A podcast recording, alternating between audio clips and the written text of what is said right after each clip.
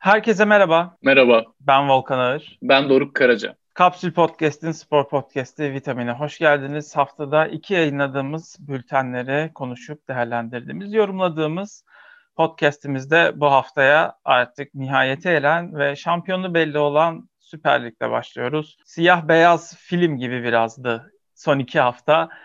Gerçekten Beşiktaş'ın şampiyon olan takımında sezonu da öyleydi. Çok kapkara bir aslında başlangıç yaptı Beşiktaş sezona.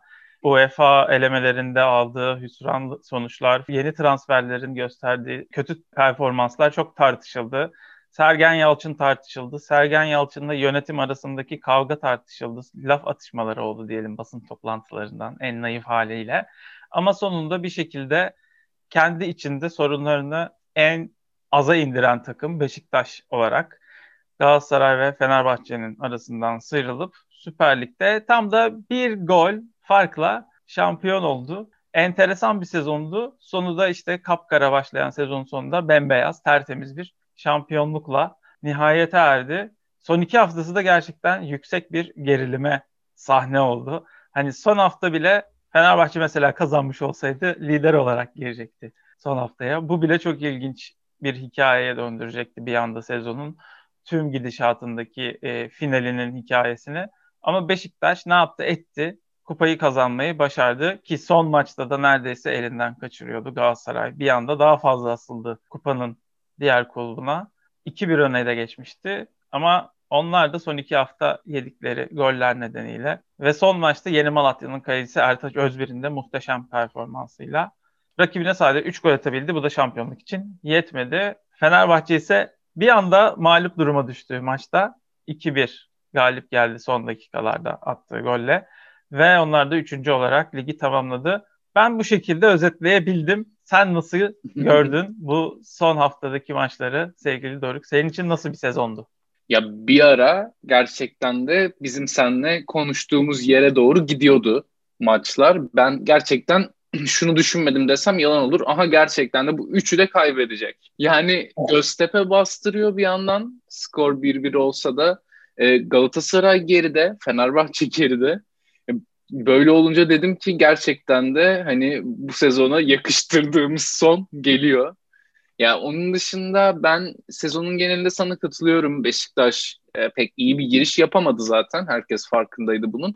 Ama devamında e, uzun periyotta ise şampiyonluğu en çok hak eden takımdı. E, bu yüzden tebrik de etmek lazım tabii ki. Galatasaray evet averajla kaçırdı şampiyonluğu. Fenerbahçe dediğin gibi bir hafta önce kazansa lider giriyordu son haftaya. Böyle ilginç durumlar yaşandı. Yani Beşiktaş bu aslında oyun üstünlüğünü puanlara yansıtamadı bir yerden sonra istediği gibi. Ee, ama sonunda gülen taraf Beşiktaş oldu. Yani çok enteresan bir sezon oldu gerçekten benim için de. Süper Lig'de oynanan futboldan ne kadar çok keyif almasam da hiç değilse uzun zamandır izlediğimiz en keyifli şampiyonluk yarışıydı. Hatta yani böylesini ben çok hatırlamıyorum yakın tarihte böyle bir son haftayı. E, bu yüzden umarım bu bir iyiye gidişin başlangıcıdır. Bundan sonraki sezonlarda da hem e, üç büyükleri hem Trabzonspor ve diğer e, şampiyonluk yolunda sürpriz yapabilecek kulüpleri buralarda son haftalarda görebiliriz ve heyecanımız bitmez. Yani bu ligi severek izlemeyi çok istiyoruz. bu kadar. Ama sana kötü bir haberim var sevgili Doruk. Son 2-3 haftadır oran orantı yaparak geçtiğimiz sezon alınan puan oranıyla bu sene erişilebilen puanları karşılaştırdım. Yani 34 maçta geçen sene 69 puanla şampiyon olabilmişti Başakşehir. Eğer ki eskaza lig 81 puanla tamamlanmış olsaydı, şampiyonluğu göğüslemiş olsaydı Beşiktaş 34 maç oynanmış olsaydı tam 69 puanla bitirmiş olacaktı. Yani aslında 40 maç oynandı ama geçen seneki performanslardan, pe- puan olarak performanslardan çok uzaklaşılamadı. Bu sene 84'e ulaştı o. 84 demek de işte geçen seneye göre sadece bir buçuk maç 2 e, puan fazla alınabilmiş bir durum oluyor ortaya çıkıyor. 34 maçta 71 puanla şampiyon olmak gibi bir şeydi aslında bu sene. 40 maçta alınabilecek 120 puan varken 84 puanda alınabilmek. Tabii ki pandemi gibi bir vaka varken, olay varken e, yüksek performans beklentisiyle söylemiyorum bunları ama bir yandan da geri geldiğinde bütün takımlar örnek Sivas Spor gibi süper galibiyet serileri alarak onlar da kötü başladığı sezonu yükseklerde bitirebildi. Yani aslında iyi organize edildiğinde beş, elde edilebilecek bir sonuçtu.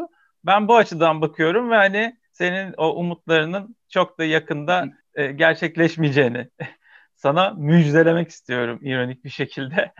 Zannetmiyorum yani hani kötünün iyisi oldu. Çünkü geçtiğimiz sezon ve ondan önceki sezonlar 69'ar puanla gelen şampiyonluklar daha doğru betimlemesiyle 3 puanlı sistemde oynanan sezonlarda en düşük puanla kazanan şampiyonluklardı. Dediğim gibi bu şampiyonlukta 34 maç olsaydı 71 puan olacaktı yani neredeyse. Ne yazık ki performans ve kalite açısından beklentiyi karşılayacak bir sezon geçirdiğimizi düşünmüyorum. Takım özelinde düşünürsek de evet en az problemlerini en aza indiren takım Beşiktaş olduğu için kazanabildi. Aralarından sıyrıldı. Daha az sağıyla soluyla e, didişti bir yandan da. Onu da eklememiz gerekiyor ama Galatasaray'da Fenerbahçe'de Galatasaray özellikle kendi içindeki unsurlarıyla birbirlerinin çakışmalarından, kavgalarından başını kaldıramadı ve sahaya konsantre olamadı bir yandan. Her ne kadar işte motive etti gibi böyle sözler olsa da o kavgaların çok da öyle olduğunu zannetmiyorum. Çok daha iyi oynayabilirdi Galatasaray birçok maçını. Ancak bu tür olayların ben sahaya yansıdığını düşünüyorum ve Arda Feguli ve Babel gibi oyuncuların da özellikle de tabii ki Falcao'nun yeteri kadar bu sezonda performans vermediği de ortada. Takıma yararlarından çok belki zararları da dokundu. Özellikle son maçta Arda'nın koşmadığı, bindirmediği birçok pozisyon vardı. Gerçekten şampiyon olup kendini affettirmek istiyor olsaydı diye düşündüm. Orada birçok açığa koşardı, gole, tekmeye kafasını sokardı ama ilk 45 dakikada bunu göremedik. Zaten sonra da çıktı. Çıktıktan sonra da takım hareketlendi ve maçtan galibiyetle ayrıldı. Arda'nın oynadığı saatlerde Galatasaray mağlup olmuştu açıkçası söylemekte gerekirse. Babel'in yine uluslararası bir futbolcu olduğunu, bu takımda uluslararası tek futbolcu olduğunu belki de gösterdiği bir maçtı bir yandan da ikinci yarıdaki performansıyla. Gerçekten bu top böyle oynanır, çizgiden böyle inilir, böyle orta yapılır, asist böyle yapılır dediği bir performansı vardı. Fenerbahçe tüm sezonun özeti gibiydi yani. Sezon başında hiçbir şekilde şans vermediği veya yanlış kullandığı futbolcuları son 10 haftada daha doğru düzgün oynatarak ve sezon içinde de bu yanlışları uygularken belki de şansıyla da birlikte diyelim bir şekilde şampiyonluk yarışını tutmaya başaran Fenerbahçe ancak üçüncülüğü kurtarabildi ve sezonda bir mutluluk kırıntısıyla diyebileceğimiz bir şekilde bir 3 puanla tamamladı. Belki Valencia'yı sezon başında işte sağ açıkta veya yedekten sonra yedekte tutup sonradan oyuna giren oyuncu olarak kullanmaktansa direkt forvet olarak kullansaydı Fenerbahçe Tiam'la birlikte mesela onu da daha sonra hiç kullanmadı ilginç bir şekilde. Ee, Erol Bulut da Emre Belözoğlu da e, ikisinden daha fazla verim alabilseydi belki Fenerbahçe önde olabilirdi. Ancak birçok yanlış bazı doğruları götürdü Fenerbahçe'de. O yüzden de sonuçta ligi üçüncü bitirebildi. Bir yandan da Beşiktaş'ın kupayı aldığını söyleyelim. Beşiktaş'ın kupayı alması Fenerbahçe'ye de yaradı bu, bu yandan. E, UEFA Avrupa Ligi'nde üçüncü turdan başlayacak önelemeye. Fenerbahçe'de hani belki sezonu da daha hızlı bir şekilde açarak yeni bir takımla güzel bir sezon başlangıcı yapabilir. Tabii takımların önünde seçimler de var. Onları da önümüzdeki haftalarda, bültenlerde detaylı olarak sizlere aktaracağız. Ama Süper Lig'in ardından konuşmamız gereken bir başka Süper Lig daha var. O da Basketbol Süper Ligi. Orada da playoff eşleşmeleri, yarı finaller belli oldu. Evet, aslında e, çok büyük sürprizler yaşamadığımız bir playoff oldu ama e, burada Beşiktaş'ın tabii ki adı parlıyor diğer takımların arasında. Beşiktaş, Anadolu Efes ve Fenerbahçe Beko Pınar Karşıyaka eşleşmeleri olacak e, bu akşam yani bizim şu an çektiğimiz podcast'i çektiğimiz zamana göre bu akşam Beşiktaş Anadolu Efes arasındaki ilk maç oynanacak. Yani e, Tofaş Beşiktaş serisi muhtemelen e, en çok beklenen playoff serisiydi ve Beşiktaş galip gelmeyi başardı. E, bir kere yani gerçekten bu yapılanmalarını tebrik etmek lazım. Maçlar da çok heyecanlı geçti. Ama e, Beşiktaş'ın gençleri gerçekten de çok tecrübeli hareketler yapıyorlar maçlar içinde. Bunu Beşiktaş'ın gençleri gerçekten de tecrübeli oyuncularmış gibi geçirdi bu playoff ilk turunu. O yüzden Anadolu Efes karşısında sürpriz kovalayacaklar. Efes çok büyük favori tabii ki. Efes çok büyük favori tabii ki ama e, Beşiktaş'ın da eminim heyecan yaratacağına diyebiliriz. Fenerbahçe Bekko Pınar Karşıyaka eşleşmesi e, yine çok enteresan geçecek. Fenerbahçe Euroleague'de CSKA Moskova'ya elenmişti ve Final Four yapamamıştı. Bu yüzden aynı zamanda Ali Koç'un da artık daha fazla kupa görmek istediğini düşünüyorum. Takım üzerine bir baskı olacaktır. Ee, Pınar Karşıyaka ise Basketbol Şampiyonlar Ligi'nde finalde kaybetmişti. O yüzden onlar da bir final daha görmek istiyor. Ee, bu yüzden enteresan bir eşleşme olacak bu da. Ben iki tarafında geçebileceğini düşünüyorum. Ee, beş, yani Anadolu Efes Beşiktaş serisinde Anadolu Efes'in çok daha önde olduğunu düşünsem de Fenerbahçe Beko Pınar Karşıyaka serisinde birazcık her şey olabilir diyebilirim şu an. Fenerbahçe tabii ki favori konumunda. Ee, bir yandan şeyi de konuşmak lazım bu süreçte. Alperen Şengül yine çok iyi bir dönem geçiriyor ve e, Basketbol Süper Ligi'nin normal sezonunun en değerli oyuncusu seçildi Alperen. MVP seçildi. E, şu konuda şunu söyleyeyim. Ben daha önce Basketbol Süper Ligi'nde MVP ödülü verildiğini hatırlamıyorum. Bence verilmedi hatta onu da söyleyeyim.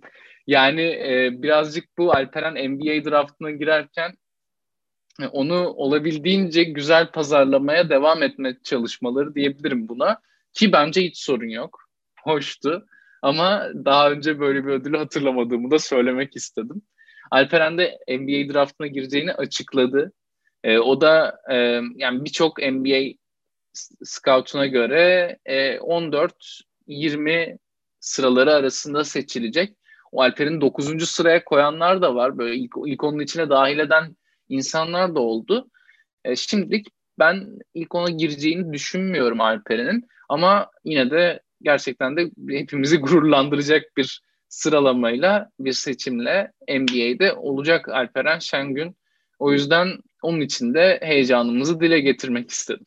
Ömer Faruk'tan da bahsetmemiz Heh, gerekebilir tabii burada. Miami Heat'e o da imza attı. Bir süredir ABD Gelişim Ligi'nde oynuyordu. Fenerbahçe'den ayrılışı da olaylı olmuştu. Miami Heat'e geçişi bakalım hayırlı olacak mı?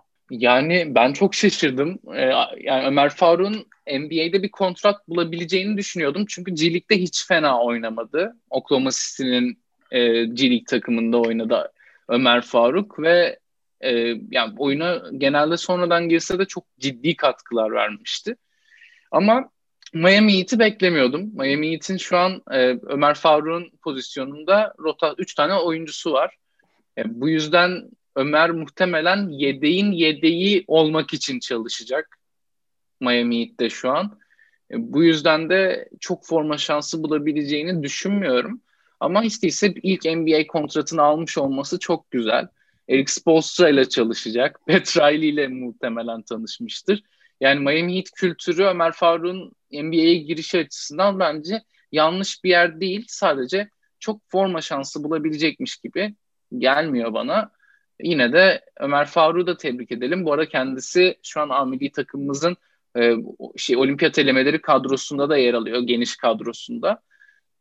Playoff'ların durumuna göre Miami Heat'in ne kadar ilerlediğine göre vesaire. Bu değil tabii şekillenecektir Ömer Faruk'un gelip gelmeyeceği. O da önümüzdeki sene Eurobasket 2022'de olsun. Türkiye e, katılım şansı elde ederse olimpiyatlarda olsun. Milli takım açısından çok önemli olacaktır. Ee, onun milli formayla tekrardan buluşmasını görmek de sevindirici. NBA'de ilk kontratını almasını görmek de sevindirici tabii. NBA'de bugünlerde play-in müsabakaları da oynanıyor. Play-in müsabakaları da büyük heyecana yer oluyor. Çünkü Lakers, Boston Celtics, Golden State Warriors gibi takımlar play-in maçlarında playoff mücadelesi veriyor. Nedir bunlar? Tek maçlı eliminasyon sistemi ama eğer yedinci bitirmişse bir takım kendi konferansında, liginde, sıralamasında yedinci olmuşsa tek maç oynayarak playoff şansını elde edebiliyor. Fakat 10. takımsa bir sonraki takımı ve bir sonraki takımı e, eleyerek ancak playoff'a katılıyor. Değişik bir sistem. Kimi tek maçta, kimi 3 maçla playoff'a ulaşabiliyor. Play-in dediğimiz bu sistemde. Dün akşam Boston Celtics Washington Wizards'ı yendi. Ve bu akşam da Los Angeles Lakers Golden State Warriors'la karşılaşacak. LeBron James ile Stephen Curry'nin maçında acaba kim bir sonraki tura geçecek? Merakla bekliyoruz. Sen neler düşünüyorsun sevgili Doruk? Ya öncelikle ben play-in sistemini çok seviyorum. Gerçekten bana kalırsa her sezon, sezon devam etsin. Yani birçok açıdan çok avantajlı olduğunu düşünüyorum. Ama dün ge- gece gerçekten de play-in severler için çok korkunç bir geceydi. Play-in düşmanları da eminim çok mutlu olmuştur. Yani e, Indiana Pacers Charlotte Hornets maçı vardı başta. Indiana yani maçın tamamını inanılmaz dominant oynadı ve Charlotte'a hiç şans tanımadı. E, bu sayede onlar galip geldiler. Charlotte elenmiş oldu. Indiana bir maç daha oynayacak. Washington Wizards'la karşılaşacak. Bugün dün gece Boston Celtics'e yenilen Wizards. E, Boston Celtics Wizards maçı da kesinlikle hiç kaliteli bir basketbola sahne olmadı diyebilirim. Yani play-inlerden bundan çok daha fazlasını bekliyorduk. Yani son e, işte 21 maçın 16'sını kazanan, ondan sonra kalan hepsinde inanılmaz az sayı farklarıyla kaybeden, tüm maçları kıran kırana son dakika saniyeye kadar galibin belli olmadığı Washington maçı bile bu şekilde sonlandı. Play-inler birazcık hayal kırıklığı gibi gözüküyor şu an. Bir şey soracağım ee, burada tam. Washington Wizards 8. olarak mı bitirmişti? Evet. Boston Celtics 7 idi. Washington 8'di. Ee, onların maçında Boston Celtics kazanınca direkt playoff yaptı. Washington kazansa da direkt 7. olarak playoff yapacaktı bu arada. Ee, kaybeden de 9 ile 10'un maçının kazananıyla oynuyor. Evet yani şunu söyleyeceğim. Şimdi Washington Wizards'ın bir tane daha şansı olduğu için acaba ilk şansında fazla zorlamak istemeyip ikinci şansına bırakmış olabilir mi? Bu da 8. olan takıma böyle bir avantaj sağlıyor olabilir mi bu sistemde diye düşündüm. Çünkü 9. ve 10. olan takımlar ya Hero ya Merro maçına çıkıyorlar açıkçası. Onlardan hangisi yenilirse çoktan veda etmiş oluyor.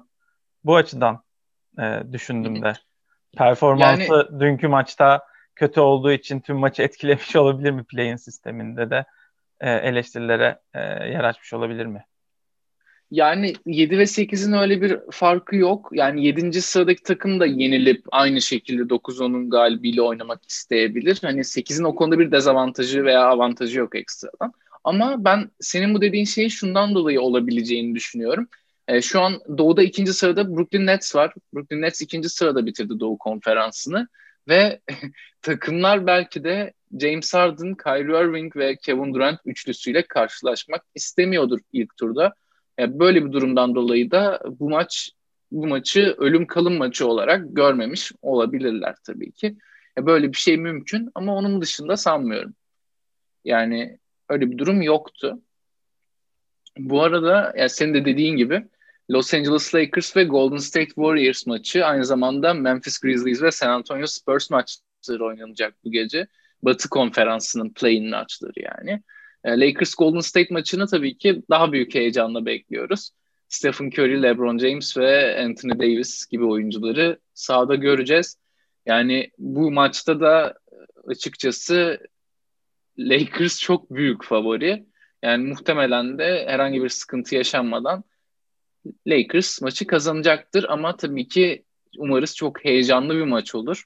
Bu arada LeBron James de Stephen Curry'nin normal sezonun MVP'si olduğunu düşündüğünü söylemişti. Ee, yani genel olarak LeBron takım başarısı olayına çok fazla takılıyoruz ve hani gerçekten kimin en iyi sezonu geçirdiğini unutuyoruz demişti. Ya Curry'i Golden State'ten çıkarın ve ne kalır gibi bir açıklama da yapmıştı LeBron. Hani ona katılmamak elde değil. Ona katılmamak elde değil ama e, yani şunu da söylemek lazım. Artık şüphesiz bir şekilde basketbolu iyi takip etmiş her insanın Nikola Jokic MVP diyebilmesi gerekiyor. Yani Jokic bu sezonun bence artık hiç şüphesiz ve kuşkusuz bir şekilde en değerli oyuncusudur. Tabii ki Stephen Curry de ikinci ya da üçüncü bu sıralamada ama artık yani ben ne kadar Steph Curry'yi çok sevsem de play'inde olan bir takımın oyuncusunun NBA'in yazılı olmayan kuralları gereğince e, MVP zaten olamayacağını da düşünmek lazım. Curry bu arada ligi sayı kralı olarak bitirdi. E, yani kendisini çok seviyoruz. Umarım bugün de ben bireysel olarak Lakers'ı yenerler diyorum. Ki Golden State'in kazanmasını daha çok isterim. Geçtiğimiz hafta içinde ayrıca NBA Hall of Fame listesinde yer alan 20 tane daha sporcu açıklandı. Kobe Bryant bunlardan bir tanesiydi. Tim Duncan bunlardan bir tanesiydi. Kobe Bryant'ın eşi bu ödülü aldı. Burada olmasan da efsane oldun hayatım şeklinde bir seslenişte bulundu. Kobe Bryant'ın eşi. Michael Jordan eşlik etti Bryant'ın eşi Vanessa Bryant'a. Ee, Tim Duncan'ın konuşması da oldukça etkileyici ve duygusaldı. İmajı da çok hoş olmuş Tim Duncan'a. Ben beğendim böyle bir hiç beğenmedim ya. Akil abi olmuş yani. Şöyle bir eline baston verip şöyle bir Budist kıyafetiyle gezebilir yani bir süre. Doğru. Tarzını sevdim. Rastafarian e, kafasını da sevdim Tim Duncan'ın. Hoş bir insandı zaten.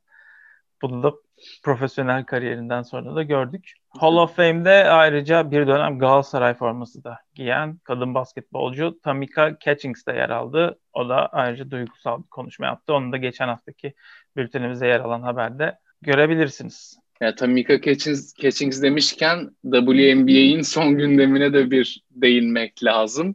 Yani Sabrina Ionescu kesinlikle herkesin uzun zamandır WNBA'de görmek istediği bir isimdi. Ee, ve kariyerin ilk triple double'ını yaptı henüz 6. maçında. 26 sayı, 10 rebound, 12 asistle. Ve birçok konuda tarihe geçti zaten. Ee, New York Liberty formasıyla triple double yapan ilk isim oldu. Onun dışında WNBA tarihinin en erken ve en genç yaşta triple double'ını yapan isim oldu. Hem 6. maçında yaptı hem de henüz 23 yaşındayken yaptı bunları. E, kendisi geçtiğimiz maçlarda da e, son saniye üçlüğüyle maç kazandırdı veya çok dominant oynadığı oyunlar oynamıştı. Yani çok WNBA açısından çok mükemmel bir gelecek bekliyor onu.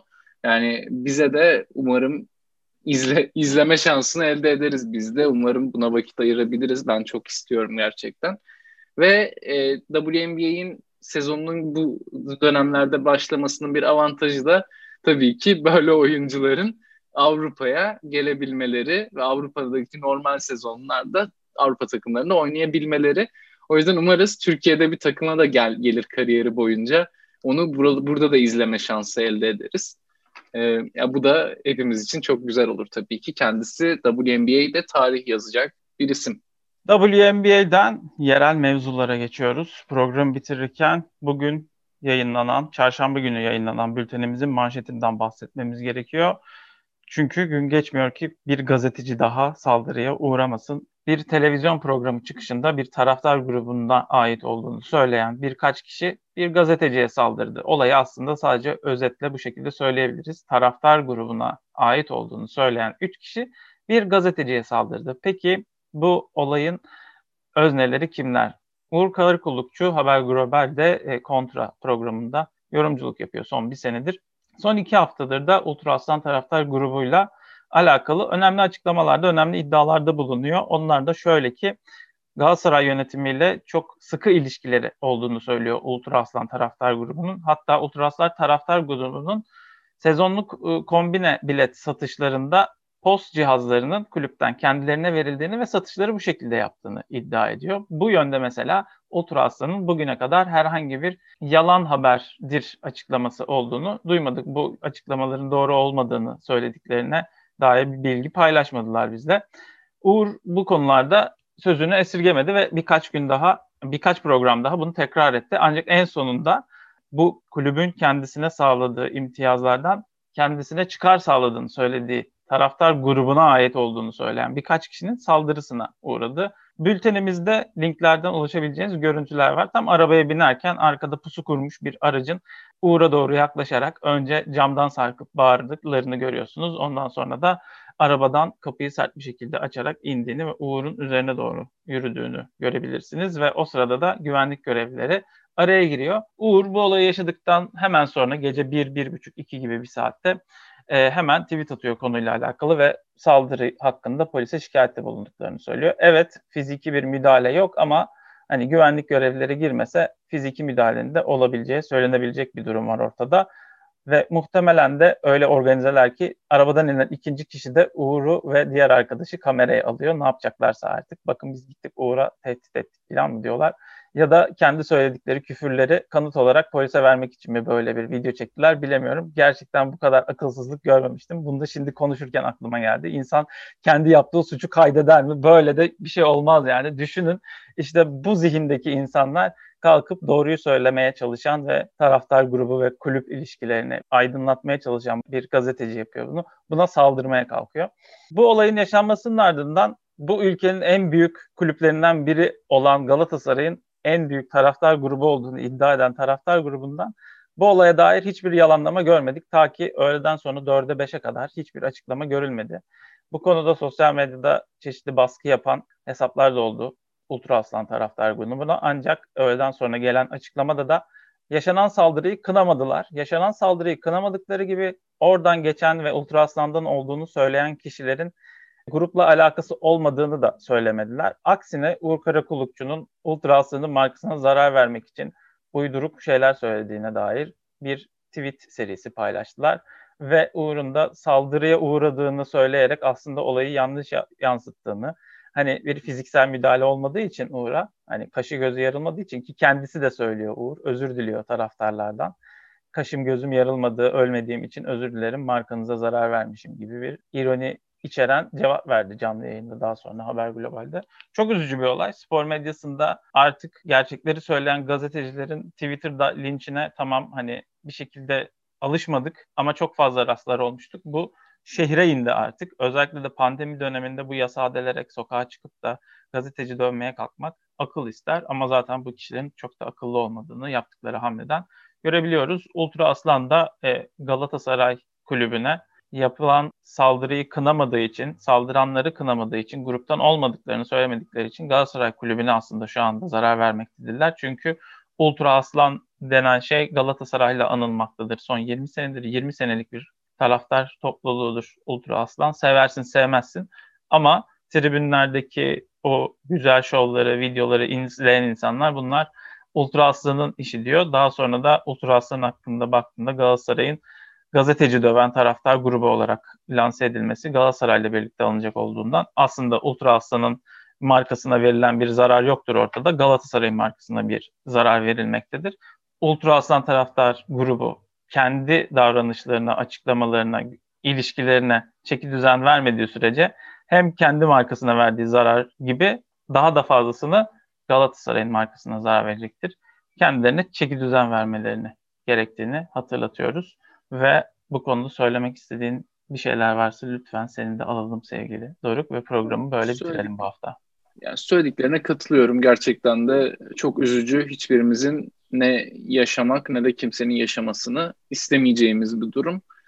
Yani umarım e, hak yerini bulur diyeyim ve böyle olayları yaşamayız bundan sonra.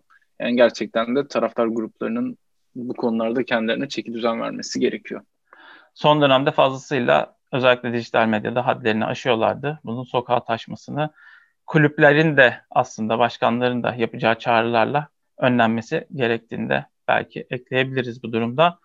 Ve programı böyle bitiriyoruz. Bültenlerimizde birçok bölüm de açtık. Son bültenlerimizde özellikle Tokyo 2020 ve Euro 2020 başlıkları yer alıyor. Artık yaklaşan büyük organizasyonlar öncesi haberlerimizde ayrıca böyle kategorileyeceğiz sizlerin. Daha kolay okuyabilmenizi sağlamak, daha kolay bir şekilde istediğiniz haberi seçerek takip edebilmeniz için Vitamin Podcast'in tabii ki podcast kanalını Spotify'dan da takip edebilirsiniz abone olarak. Tabii ki Kapsül'ün diğer bültenlerini de takip etmek için kapsül.com.tr adresine girerek sadece mail adresinizi bırakıp bütün bültenlere abone olabilirsiniz. İstediğiniz saat diliminde mail kutunuzda görebilirsiniz. Bu haftalık bizden bu kadar. Ben Volkanır. Ben Doruk Karaca. Bir sonraki programa dek görüşmek üzere. Görüşürüz. Vitamin